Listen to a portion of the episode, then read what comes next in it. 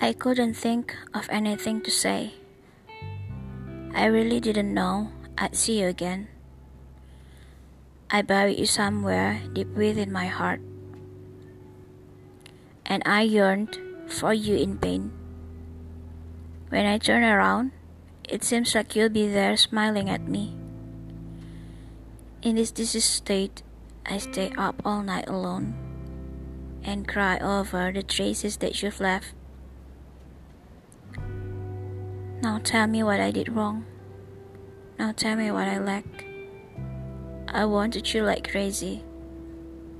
I always prayed that I'd see you again, even after I promised myself as I went to sleep that I could be okay by myself, that I could be okay without you.